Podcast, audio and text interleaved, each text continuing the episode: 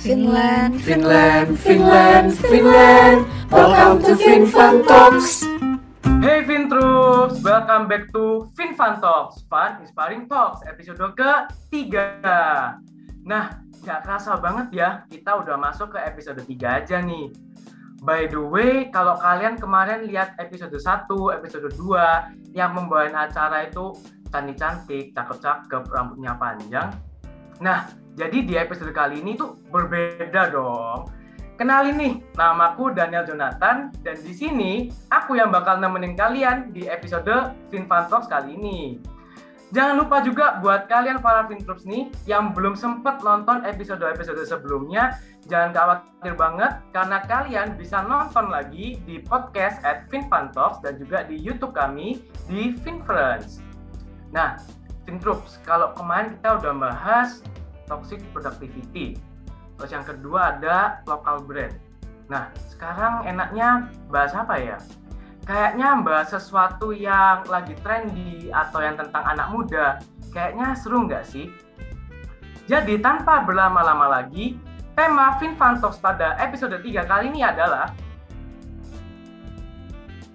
BTS. Jadi gimana Fintroops? Apakah aku udah mirip banget nih sama Jungkook atau Taehyung kali ya, Taehyungnya BTS? tenang aja, tenang aja, tenang aja. Tentunya bukan BTS yang ini dong. Jadi di Finfadox kali ini kita bakal bahas BTS, Behind the Story of a Startup Empire. Nah, jadi kita di sini bakal mengupas setuntas-tuntasnya cerita di balik sebuah startup itu kayak gimana sih? Apalagi di zaman sekarang yang era modern ini banyak banget orang yang pengen kerja atau bahkan pengen punya nih yang namanya startup. Jadi aku yakin banget deh, Fintroops gak bakalan bosen dan pastinya suka sama tema Finfa Talks kali ini. It's dari tadi kayaknya aku ngomong sendiri deh. Tentunya aku nggak sendiri dong. Di sini di sebelah aku nih udah ada kakak yang cantik banget nih, udah charming banget dan juga edukasinya ini udah pernah di UI, pernah di Massachusetts Institute of Technology, dan juga pernah belajar di Stanford University. Wow, bayangin Fintroops, aku nggak ada apa-apanya sih. Jadi tanpa berlama-lama lagi, di sebelah aku udah ada Kak Nadia Amalia. Hai Kak Nadia. Halo Daniel, halo Fintroops juga, seneng banget di sini nih. Waduh, ini vibes-nya Kak Nadia udah semangat banget nih. Jadi Fintroops juga nggak boleh kalah semangat dong dengerin Finfa Talks ini. Jadi gimana nih Kak kabarnya Kak Nadia? Ada kesibukan apa nggak sih belakangan ini? Baik banget kabarnya, kesibukan aku sebenarnya nanti kita bakal bahas juga nih BTS-nya. Jadi kesibukan aku nih sebenarnya lagi banyak nih sebenarnya lagi hangout sama anak muda. Karena kebetulan banget lagi bikin produk untuk anak muda namanya startup aku untuk bikin kemampuan untuk membantu anak muda untuk membenahi kebiasaan finansialnya. Jadi nanti kita bakal bahas kupas lebih lanjut sih. Tapi kesibukan aku sekarang lagi kayak gitu, kesibukannya kerja dari Senin sampai Sabtu untuk membuat startup nih kalau sekarang.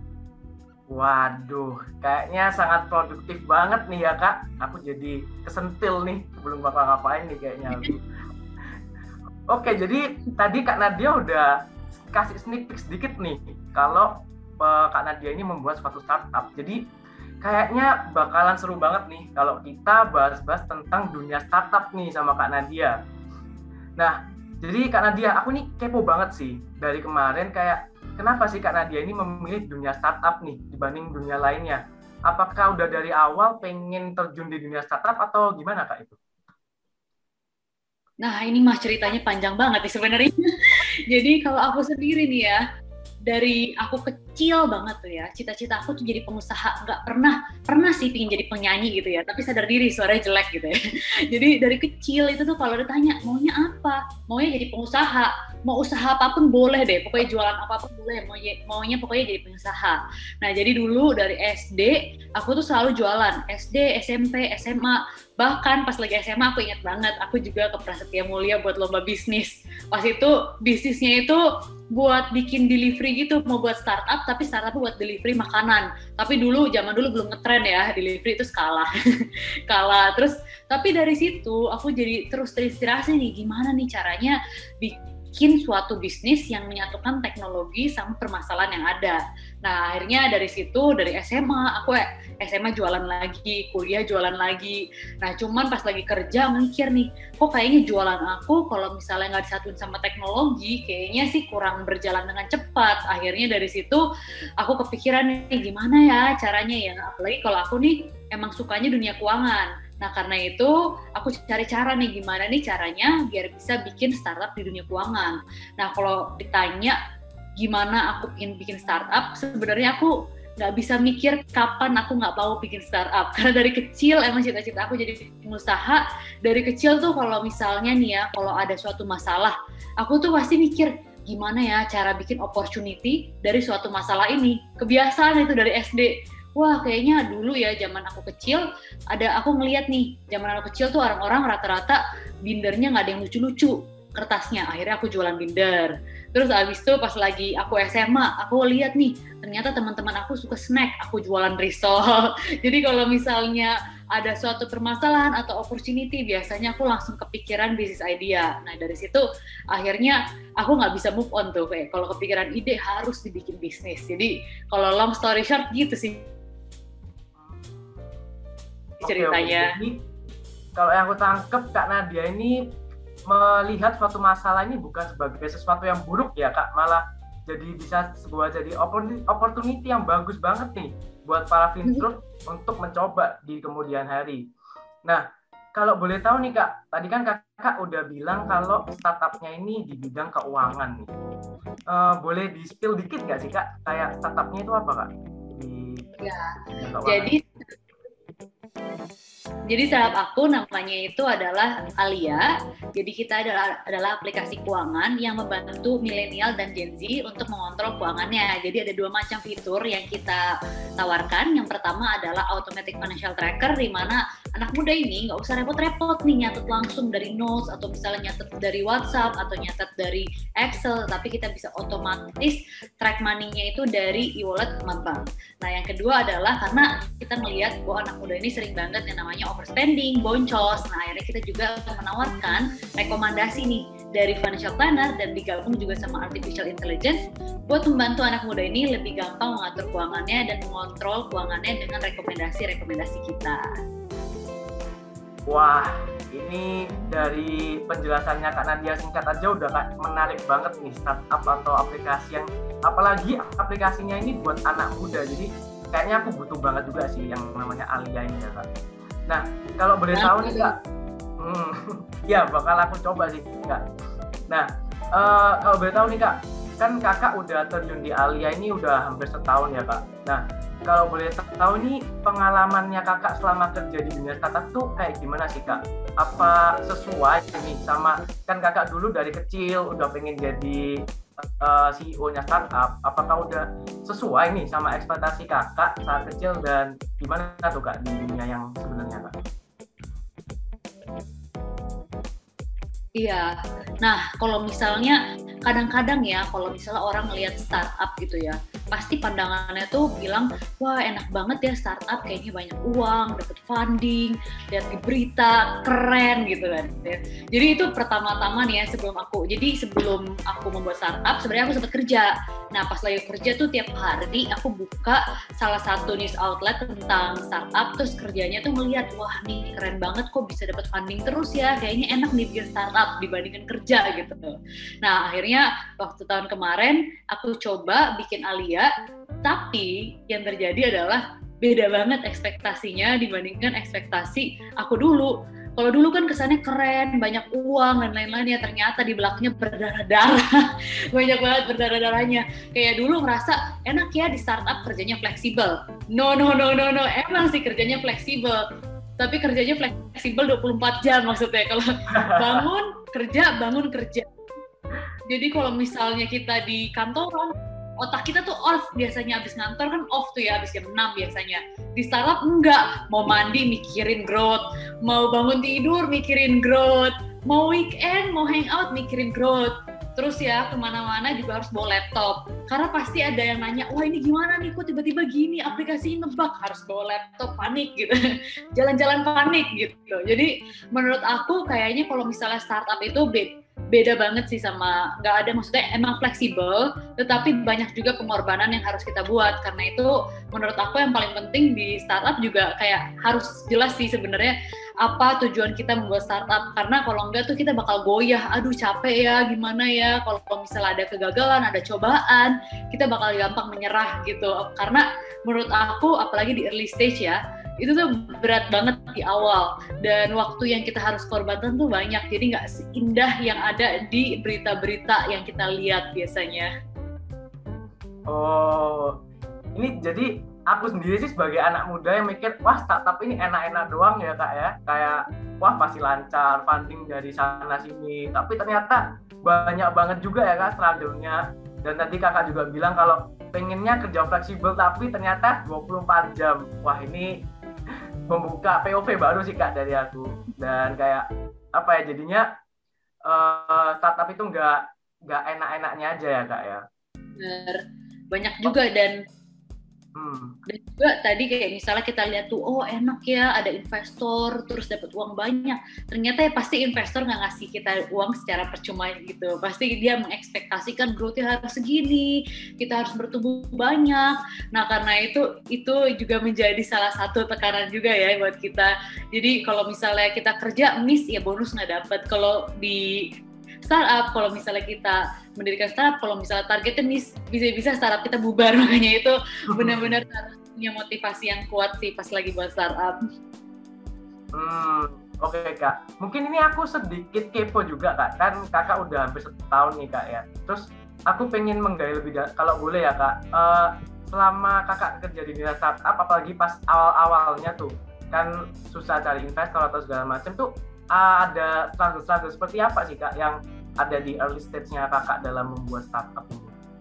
Hmm, ada beberapa sih kalau bisa dibilang masalahnya kalau aku ngomongin salah satu kayaknya podcast ini nggak cukup.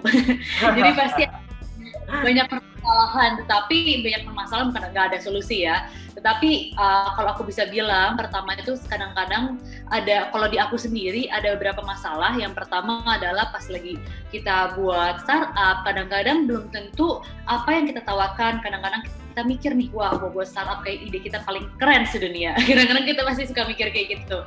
Dulu kan pas aku buat tuh ya, aku ngerasa ini ide pasti banyak nih orang yang mau make. Ternyata produknya pas itu gak banyak orang yang mau make. Akhirnya di aku sendiri, aku tiga kali ganti ide buat bikin produk yang bener-bener disukain sama user gitu. Jadi itu wajar banget di startup. Kadang-kadang kita pasti menghadapi suatu hal seperti itu, di mana ide kita harus kita kodok lebih lanjut biar disukain sama user. Nah yang kedua, bukan hanya itu, adalah mencari resources kadang-kadang nih yang juga terjadi dan terjadi juga di aku adalah mencari resources yang bisa membuat produk yang kita mau sesuai ekspektasi kita. Jadi kalau misalnya di kasus aku, human resources atau misalnya desainer yang membuat aplikasi, kadang-kadang itu juga nggak sesuai sama yang kita ekspektasi. Yang ketiga, ini juga most common one, yaitu adalah mencari pendanaan yang paling penting di antara semuanya. Pendanaan ini juga cukup sulit adalah mencari orang yang percaya sama misi kita, misi kita dan juga sama tim kita. Itu juga paling susah karena aku bisa bilang cari investor itu kayak cari jodoh.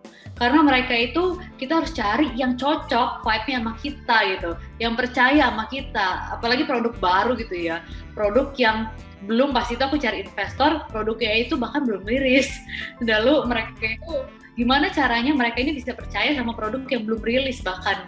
Jadi itu salah satu challenge juga sih di awal untuk meyakinkan investor. Dan aku juga ngobrol sama investor, aku juga sampai lupa berapa karena saking banyaknya pitching terus tiap minggu sampai akhirnya nih suara udah habis, udah capek. Tapi akhirnya pasti ada jalannya sih kalau ada kemauan. Tapi itu tiga challenge terbesar aku pas lagi buat startup di awal. Hmm, menarik banget. Terus aku suka banget tadi pas karena dia bilang kalau ada kemauan pasti ada jalan. Ya itu itu juga prinsip yang banyak orang pegang ya kak. Dan ternyata banyak iya. banget juga ya kak struggle-nya pas pertama-pertama kali membuat startup. wah ini aku mikir startup cuma enak-enaknya aja sih kak dari tadi ternyata banyak banget ya yang harus dipikirin dan segala macam nah aku juga kepo banget nih kak kan tadi kakak bilang struggle-nya tuh banyak banget terus workload-nya apalagi yang tadi kakak pikir bisa kerjanya fleksibel tapi ternyata 24 jam nih malahan kerjanya. Nah e, menurut kakak gimana sih orang-orang yang di startup ini buat keep up nih sama workload-nya yang ada dan juga apalagi startup ya kak harus inovasi terus harus adaptif yang bagus dan waktu yang cepat. Itu kalau menurut kakak sendiri itu gimana kak caranya? Hmm kalau misalnya secara teknis tuh ada banyak pasti buat menjawab solusi uh, menjawab permasalahan itu. Kalau di kasus sendiri, kalau di kasus aku sendiri untuk salah satu cara aku buat keep up adalah membuat culture yang fun sih. Jadi di startup aku ini aku merasa semua worker aku, semua employee yang ada di perusahaan aku itu sebagai teman. Jadi kadang-kadang itu kita bahkan kita itu kalau kerja kita nggak ngerasa 24 jam sih capek kerja. Tapi kerjanya tuh rasanya fun gitu kayak wah ini kerjanya pas uh, kira-kira perasaan santai ya tapi sebenarnya nggak santai karena kita kerja tuh banyak banget tapi kerasa santai karena kita ketawa-ketawa gitu ngerjainnya sambil ketawa-ketawa. Tiba-tiba ada yang masang lagu dangdut tiba-tiba bikin tiktok. Jadi kayak berasa kerjanya tuh fun banget. Jadi waktu kita ada masalah pun kita ketawain aja aduh masalah ini gimana ya? Jadi kayak kita uh, emang ketawain aja permasalahan yang ada. Akhirnya karena kita ngerasanya fun ya akhirnya pas lagi nyelesain masalah pun kerasanya lebih fun juga sih.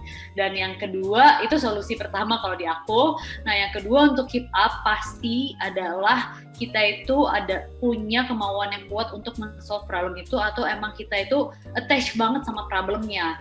Nah di startup aku sendiri aku itu emang emang bidang aku banget sih kalau aku bisa bilang kayak personal finance emang misi aku atau cita-cita hidup aku itu aku ingin membantu orang untuk uh, mengontrol keuangannya lebih baik dan juga membantu mereka tuh meraih cita-cita mereka dengan money management yang lebih baik.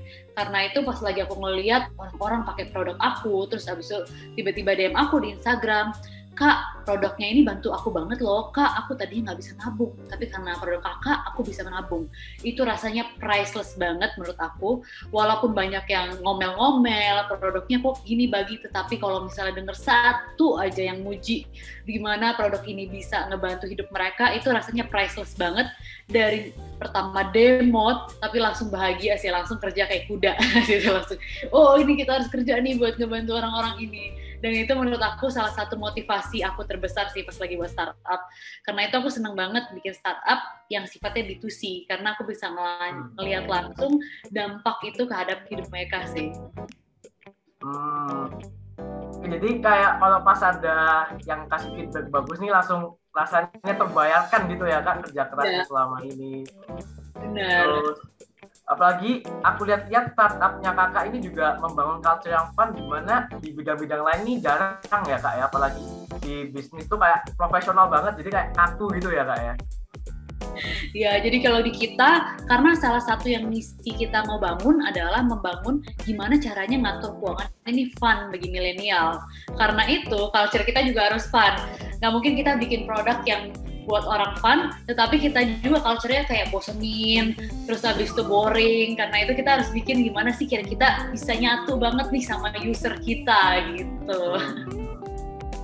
Oke, jadi visinya ini nggak cuma di luar, tapi di dalam startupnya pun juga diimplementasikan ya kak. Kalau ngatur keuangan itu fun banget, apalagi buat anak muda ya kak ya. Benar, jadi uh, di startup kita juga kita biasanya ada training finansial juga, ngajarin internal juga gimana caranya ngatur keuangan, karena kita banyak event ya yang buat uh, ngenalin produk finansial sama ngenalin money management, jadi di dalam kita sendiri pun kita membuat personal finance itu juga penting bagi hidup mereka, jadi waktu mereka men-solve suatu masalah buat user kita, mereka juga langsung bisa relate nih, oh iya ini emang masalah gue juga sih, kayak gitu. Hmm Oke oke, I see, I see kak. Ini kayaknya sangat seru banget ya kak dunia startup ini ya kak.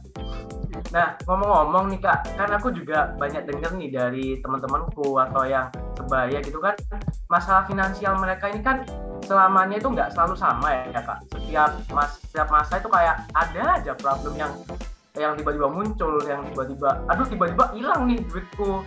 Nah, kan itu perlu adanya skill yang adaptif ya kak dari startupnya itu sendiri. Nah, menurut kakak hidup adaptif tuh dalam dunia startup itu apakah sepenting itu sih kak? Atau cuma ya ya udah be lah atau kayak gimana kak? Penting banget, penting banget untuk adaptif karena kalau misalnya apalagi startup ya, movementnya itu sangat cepet bisa aja kalau kita terlambat sebulan ada kompetitor yang ngeluarin uh, feature baru terus kita ketinggalan jadi larinya itu kalau aku bisa bilang sprint lari terus gitu kalau bisa nah jadi karena itu kalau misalnya di startup penting banget buat kita itu adaptif sama tren terbaru, sama kompetitor, sama apa yang akan terjadi di masa depan. Kalau aku bisa bilang salah satu skill aku, ini menurut aku ini juga salah satu yang berguna banget karena yang aku udah latih juga dari kecil adalah muntah ide kalau aku bisa bilang. Aku tuh kadang-kadang kalau lagi mandi gitu ya, terus habis itu idenya tuh aku list tuh lima ide baru gitu. Jadi pas lagi uh, ada ide baru langsung aku catet biar aku tuh kayak misalnya aku mau buat feature baru itu nggak ketinggalan atau uh, tadinya nih aku sebelum buat startup aku tuh jarang buka Instagram, jarang buka TikTok. Setelah punya startup aku setiap hari aku buka semua sosial media biar aku tahu nih yang lagi ngetren apa. Jadi bisa langsung buat feature atau buat produk yang sesuai yang ngetren atau sesuai nggak kalah sama kompetitor. Makanya itu aku ngerasa di startup itu ada dua hal yang penting. Pertama adalah kita harus adaptif sama situasi yang ada. Dan yang kedua bukan hanya adaptif secara produk, tetapi tim kita itu juga harus adaptif. Tim kita itu harus ber, bisa jalannya cepat. Karena itu waktu di startup aku aku tuh berusaha banget meminimalisir yang namanya birokrasi. Oh ini harus persetujuan ini nih ini harus persetujuan ini nih. Kalau kebanyakan persetujuan nanti produknya lama keluarnya. Karena itu kita kayak ya udahlah produk ini yolo kita keluarin dulu gitu mau bentuknya nggak sempurna keluarin dulu keluarin dulu. Kita tes ke market. Yang penting kita tuh nggak ketinggalan sama tren. Karena itu aku ngerasa itu adalah salah satu key uh, salah satu kenapa salah bertahan itu adalah salah mereka juga harus adaptif sama tren. Kalau misalnya ketinggalan itu bisa berbahaya buat startup menurut aku. Hmm, jadi sangat krusial banget nih ya kak ya. Hidup adaptif dan juga hmm.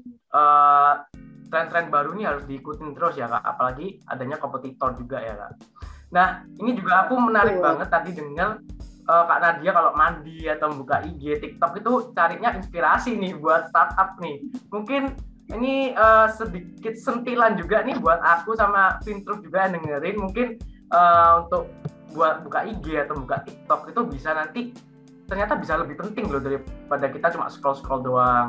Ternyata kita bisa mempelajari konsumen sukanya gimana atau kayak mungkin nanti bisa buat bisnis kalian atau startup yang lain Wah ini menarik banget sih kak. Terima kasih banget udah diingetin.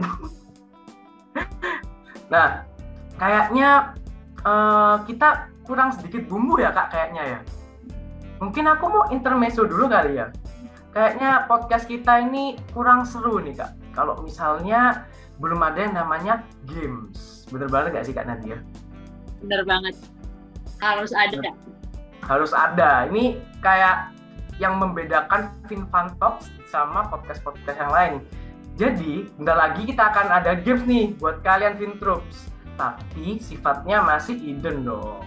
Tentunya nggak nggak segampang itu. Kan kita harus membuat itu seru ya Kak Nadia ya. Nah, nah, jadi buat kalian Fintroops bisa banget follow follow kita di Instagram @fintroops.id karena di Instagram kami kita akan update-update tentang games dan juga info-info yang lain dan kita bakal share itu di, di sana semua. Jadi stay tune buat kalian para Fintroops untuk dengerin podcast kami di FinFun Talks karena di setiap episode, gak cuma episode ini, di episode sebelum-sebelumnya bakalan ada hidden clues nih yang bisa banget buat petunjuk kalian untuk memenangkan games kami. Nah, mungkin Kak Nadia boleh dibacakan hidden clue yang ketiga nih buat games kita.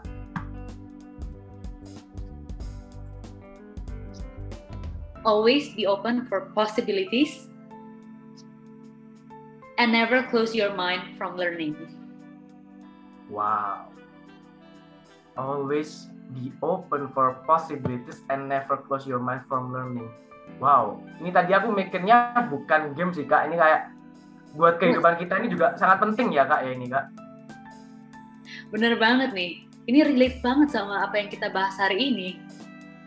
Possibilities. Iya Apalagi tadi kakak melihat sebuah masalah ini sebagai opportunity dan juga possibilities yang baru-baru buat startup kakak ini kak ya. Iya, jadi dan juga ada kata-kata learning, yaitu pasti startup juga never stop learning. Ini hmm. emang relate sama kita bahas ini dan behind the scene dari startup. Kuncinya adalah learning every day.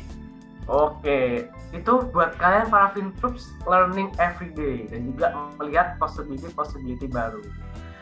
Nah, ini dari tadi kita bahas startup nih kayaknya seru banget nih kak ya. Nggak nggak sadar atau nggak kerasa. Ini udah berapa menit kita bahas startup? Mungkin aku masih pengen tahu lagi sih kak. Nah kan startup di luar sana itu apalagi di Indonesia ini kan belakangan lagi banyak banget nih kak. Dan tiap berapa bulan atau tiap berapa minggu itu keluar baru nih startup baru nih.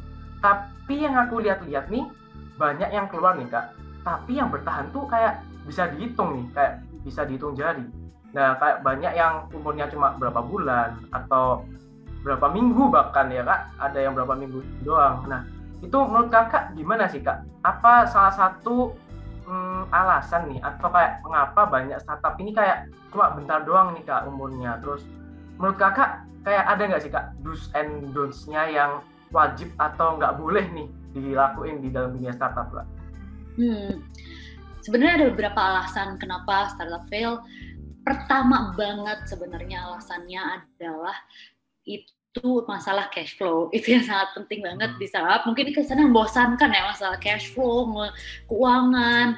Tetapi ini kunci banget sih. Karena itu finding investors making sure kalau misalnya startup kita bisa berjalan kalau emang nggak perlu investor kita juga perlu yakin gimana caranya startup kita ini berjalan dengan revenue yang ada dan margin yang ada. Karena itu itu penting banget. Salah satu penyebab utamanya adalah gimana nggak bisa sustain adalah nggak punya cash yang cukup untuk membayar operasional. Akhirnya mau nggak mau harus tutup.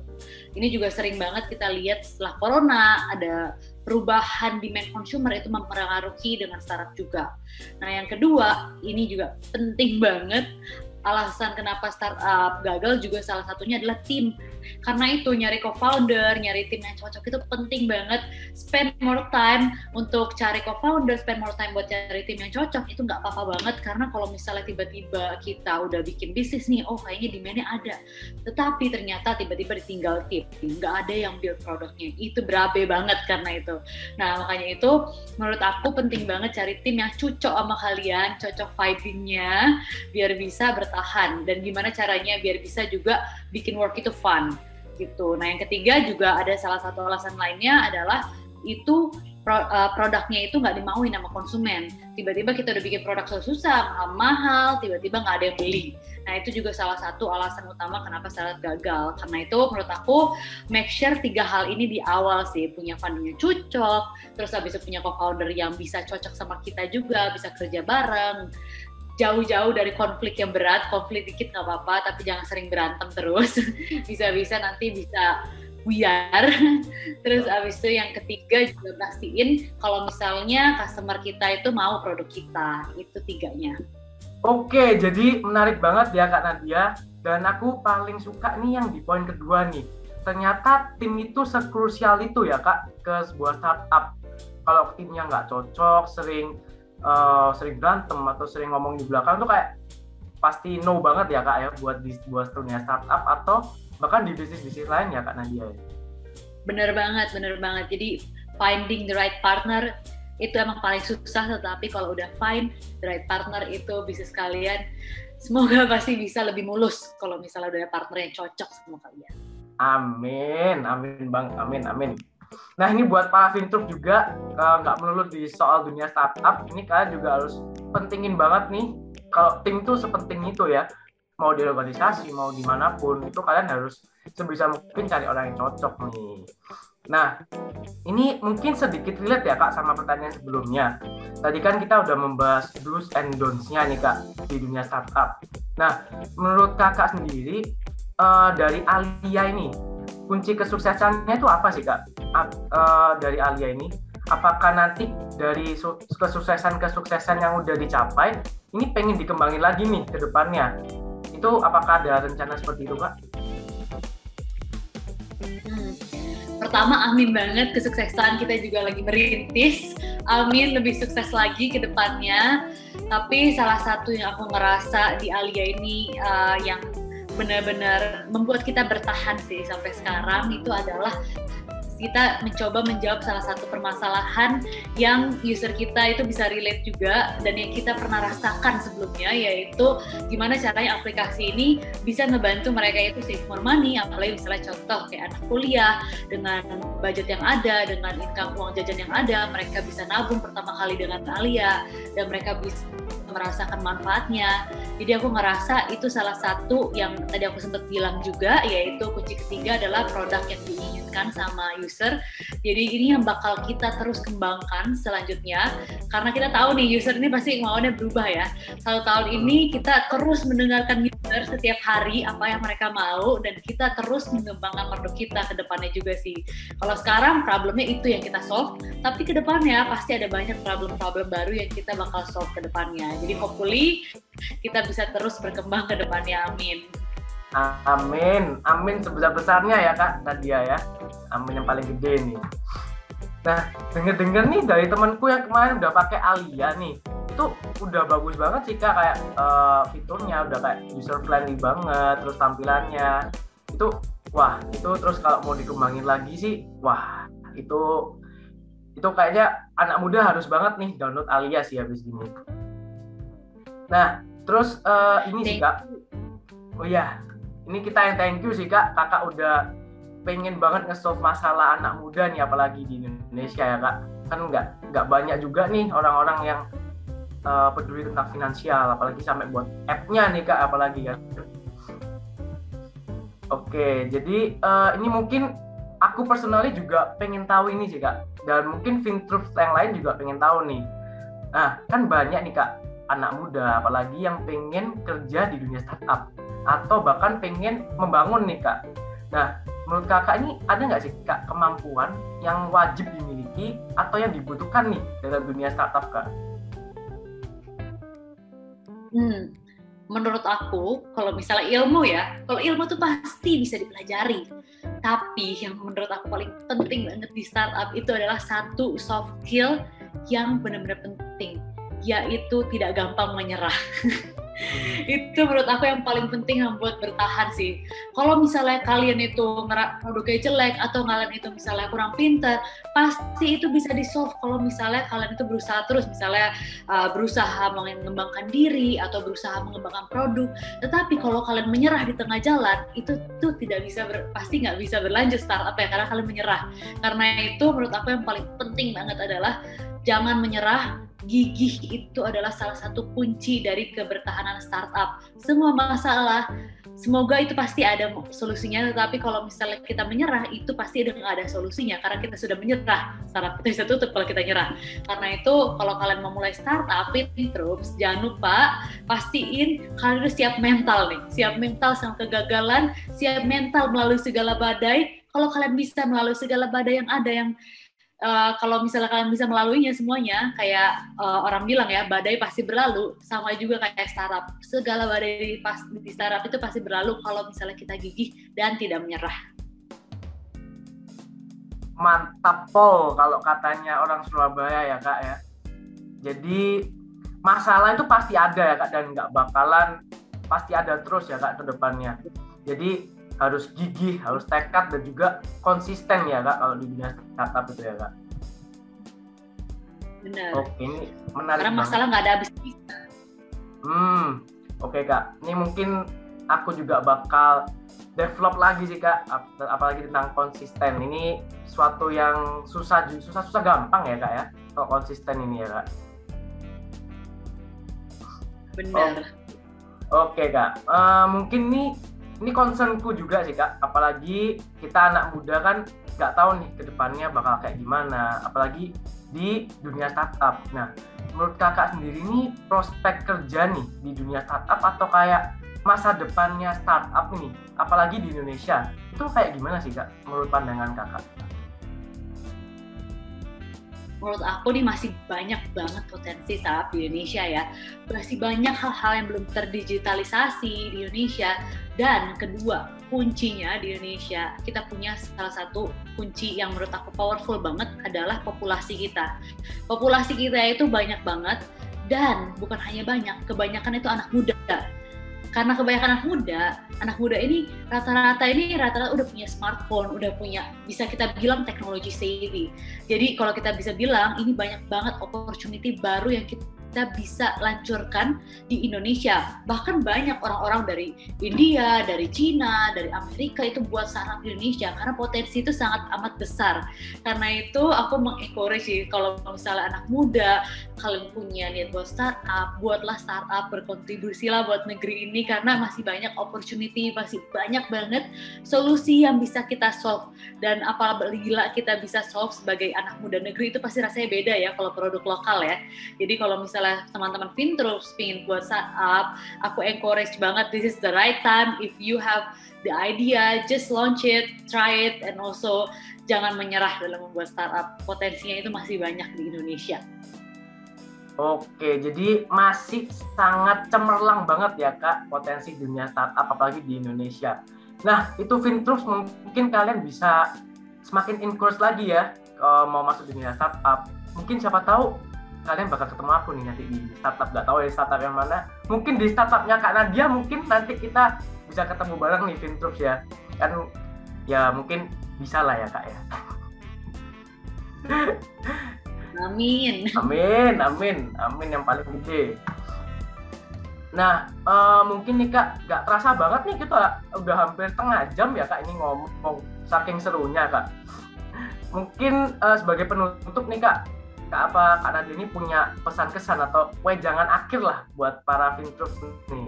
Mungkin terkait pekerjaan di startup hmm. atau kayak mungkin keuangan nih di generasi muda. Mirip banget sama yang aku bilang tadi. Kalau misalnya di keuangan aku selalu bilang nih never too early to learn finance. Dan itu sama banget sama startup. Never too early to start a startup kalau misalnya kalian masih kuliah atau kalian baru lulus kuliah nggak too menurut aku. Pasti dalam setiap stage dalam hidup kita kita itu pasti uh, menurut aku nggak ada yang rasanya too early karena kalau kita lihat tuh di luar sana banyak sekali anak-anak muda yang masih muda itu udah buat startup. Karena itu jangan takut untuk membuat startup jangan merasa too early dan teruslah berkembang dan jangan menyerah saat membuat startup. Karena pasti dia kalau tadi aku bilang badai pasti berlalu dan teman-teman Fintroops kalau kalian mulai early dan melihat ada masalah atau misalnya menghadapi masalah startup kalian badai pasti berlalu. Yang penting jangan menyerah. Mantap banget nih Kak Nadia. Jadi intinya jangan menyerah. Masalah itu pasti ada tapi kalau kalian gigi dan konsisten itu pasti akan berlalu ya itu mantap banget sih kak Nadia. Jadi nggak kerasa banget nih kak kita udah di penghujung acara atau penghujung Finpa Talks kita nih. Soalnya seru banget sih kak. Aku sampai nggak kerasa udah setengah jam nih kita ngomong. Nah cepet banget ya kak. Kita udah udah sampai ke akhir aja nih ya. Nah ini aku mau ngomong sedikit. Kita dari panitia Finfriends pengen thank you banget buat Kak Nadia atas kesediaannya nih untuk menjadi speaker di acara Finpantox pada tahun ini. Nah, mungkin untuk para Fintroops, aku bantu recap sedikit kali ya. Kita dari tadi ngomongin apa aja sih? Mungkin kalian ada yang udah agak lost atau agak lupa. Nah, mungkin buat kalian para Fintroops, ya jadi di dunia startup ini gak sebagus atau gak cuma enak-enaknya doang nih yang dari luar ternyata banyak banget struggle ataupun rintangan-rintangan nih yang harus dilalui oleh para founder dan juga tim dari startup sendiri. Apalagi aku barusan dapat POV baru nih dari Kak Nadia juga terkait startupnya yang Alia ini. Mungkin kalian juga harus coba nih Alia ini kata temanku ini juga bagus banget dan juga wah ini aku habis ini pasti download sih buat ngatur keuangan. Soalnya aku sering banget nih kak kayak nggak tahu nih uangnya ke mana nih tiba-tiba habis ludes tiba-tiba. Nah terus yang paling aku suka dari kak Nadia ini kak Nadia ini menganggap sebuah masalah itu sebagai opportunity dan juga nggak akan berakhir sih masalah ini. Tapi yang penting kalian tuh harus gigih dan juga konsisten nih dalam setiap apa yang kalian lakukan jadi itu kalau kalian mau masuk startup, apalagi di dunia startup, kalian tuh harus konsisten dan juga bisa adaptif nih sama keadaan-keadaan yang baru di sekitar. Nah, ngomong-ngomong nih, selain itu aku Daniel Jonathan sebagai moderator dan juga segenap panitia FinFresh 2021 ingin memohon maaf sebesar-besarnya jika ada salah kata atau perbuatan yang tidak berkenan di hati kakak dan juga para FinTroops yang lagi mendengarkan podcast ini. Kita sebagai panitia ingin memohon maaf dulu ya kak. Aku juga mohon maaf jika ada salah kata dan semoga apa yang kita sharing ini juga bisa menjadi salah satu sharing yang berguna nih buat teman-teman FinTroops. Oke, mantap banget. Oke, jadi buat kalian Fintroops, jangan lupa banget untuk saksikan main event FinFresh 2021 yang akan berlangsung pada tanggal 13 sampai 27 November 2021. So, hey Fintroops, thank you listening to FinFun Talks, fun, inspiring. Oh.